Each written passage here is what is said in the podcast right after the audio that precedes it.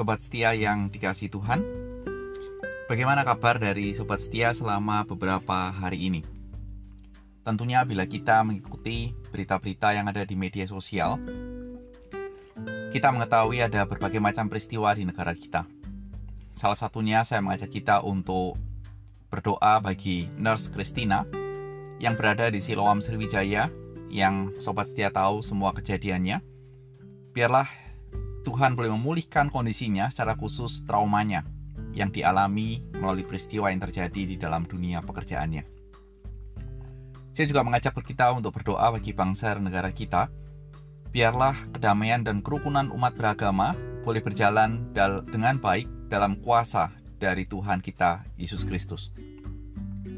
Hari ini kita akan membahas dari Lukas pasal 20 ayat 19 sampai dengan 26 dan bagian ini akan dibacakan oleh Yedija. Terima kasih kepada Yedija yang berada di Labuan Bajo. Tuhan kiranya memimpin dalam menyelesaikan program profesimu sebagai nurse dan Tuhan memimpin setiap langkah hidupmu. Dan tema kita hari ini adalah di tengah sebuah dilema.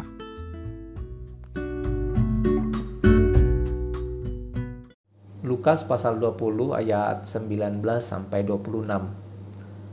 Lalu ahli-ahli Taurat dan imam-imam kepala berusaha menangkap dia pada saat itu juga.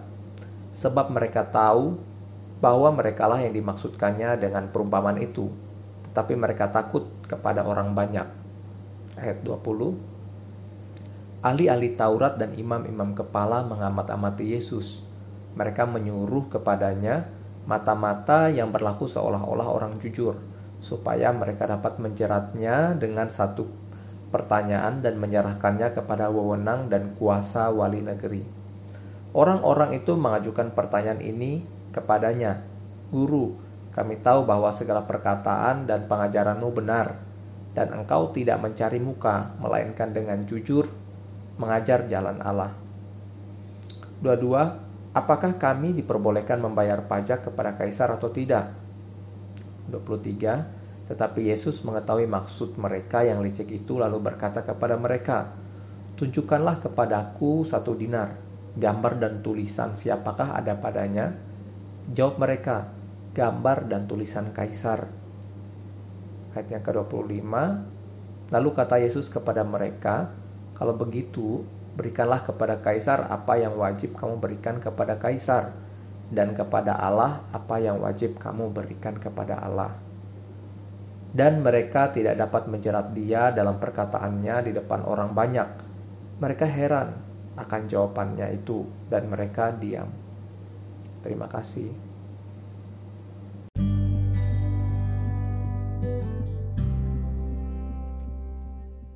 Mari kita berdoa.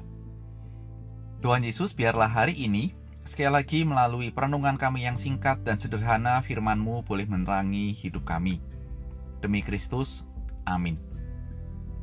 Sobat setia yang dikasihi Tuhan, pernahkah kita merasa bahwa dalam kehidupan kita sebagai orang Kristen atau anak Tuhan, kita merasa ada sebuah tanggung jawab untuk hidup sesuai dengan apa yang diajarkan Alkitab.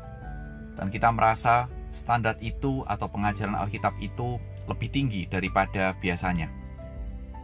Kalau kita pernah merasa seperti itu, memang itulah suatu standar yang diberikan oleh Alkitab dan membuktikan bahwa Alkitab adalah sebuah kebenaran yang menuntun orang hidup dalam terang Allah. Dalam hidup seperti itu, seakan-akan hidup kita dituntut dan terlihat sempurna. Ada banyak orang yang sering kali tidak menyukai atau kadangkala menantikan kapan kita salah atau kita jatuh memang mereka tidak mengutus orang kepada kita untuk berdebat, menguji, atau mencobai konsep dan hidup kita. Namun sering kali kita diperhadapkan, diperhadapkan dengan keruwetan yang ada dalam kehidupan kita, satu kerumitan yang ada dalam dunia.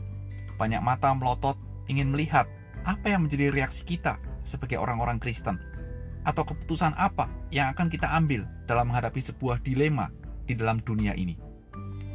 Hal inilah yang diciptakan oleh para pemimpin agama Yahudi yang berusaha untuk menjatuhkan atau menjerat Tuhan Yesus. Para pemimpin agama Yahudi mengirim mata-mata yang seolah-olah berlaku dan bertindak jujur dengan mengajukan pertanyaan kepada Tuhan Yesus. Apa isi pertanyaannya? Pertanyaannya adalah, apakah diperbolehkan membayar pajak kepada kaisar atau tidak? Pertanyaan ini sederhana, namun penjebak. Apa sebabnya? Kalau kita pahami, membayar pajak itu artinya membayarkan sejumlah uang kepada pemerintahan Romawi yang menjadi masalah adalah jika Tuhan Yesus berkata harus membayar pajak, ia menyinggung kehidupan orang-orang Yahudi. Karena di dalam uang Romawi, mata uangnya itu yang dipergunakan untuk membayar pajak terukir gambar kepala Kaisar Romawi Tiberius. Tindakan ini sungguh-sungguh melanggar 10 hukum Allah. Ingat bahwa dalam Keluaran 20 ayat yang keempat dikatakan, Jangan membuat bagimu patung yang menyerupai apa pun yang ada di atas langit, atau yang ada di bawah bumi, atau yang ada di dalam air dan di bumi. Itulah perintahnya. Jika Tuhan Yesus mengatakan tidak perlu membayar pajak, itu akan melanggar peraturan pemerintahan Romawi dan bisa mendatangkan bencana bagi masyarakat saat itu, atau bisa juga dianggap sebagai penghasut, dan tentunya itu akan menjebak pengajaran, dan kehidupan Tuhan Yesus. Dan bila itu terjadi, bagi orang-orang Yahudi, pasti menjadi sebuah kesempatan untuk mengadukan Tuhan Yesus kepada pemerintahan Romawi karena menghasut orang untuk tidak mentaati peraturan yang telah pemerintah Romawi tetapkan. Mungkin dalam situasi kita hari ini, seolah-olah dan terlihat normal, wajar, jika seseorang berusaha menjerumuskan orang ke dalam sebuah dilema membuat orang mati kutu, dan terlihat tidak ada jalan lain alias jalan buntu.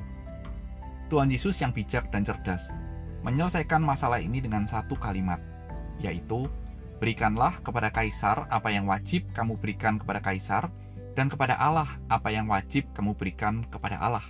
Itu muncul di ayat 25. Kalimat ini tidak ada sedikit pun bermaksud memisahkan antara politik dan agama.